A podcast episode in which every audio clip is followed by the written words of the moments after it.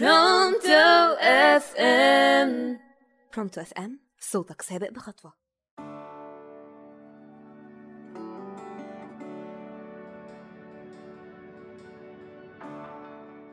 مساء الخير مستمعينا مستمعي Pronto FM صوتك سابق بخطوة.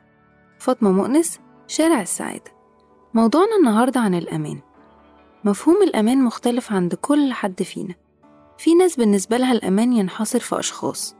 حد تاني بالنسبة له الأمان إنه يبقى شايل حاجة للزمن مثلا وحد بيستمد أمانه من كاريره أو وظيفته.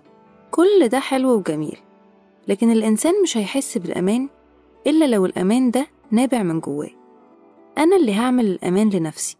ناس هتشوف إن الشخص يقدر يحقق الأمان المادي أو المهني لكن مش هيقدر يحقق الأمان العاطفي أو الاجتماعي لأن ده بيتوقف على علاقتي بالآخرين وشخصيتهم لا بالعكس. لأن الشخص لو ناضج بشكل كافي هيقدر يحدد مين الناس اللي بيحس معاهم بالأمان فيقرب أكتر ليهم ويسطح علاقته إلى حد ما بباقي الناس حواليه. شعور الأمان خاصة في علاقاتنا شعور لا غنى عنه. احتياجنا للأمان مقترن باحتياجنا للحب. اللي لو الإنسان افتقدهم هيفتقر للسواء النفسي. أنا بشوف إن الأمان أهم من الحب.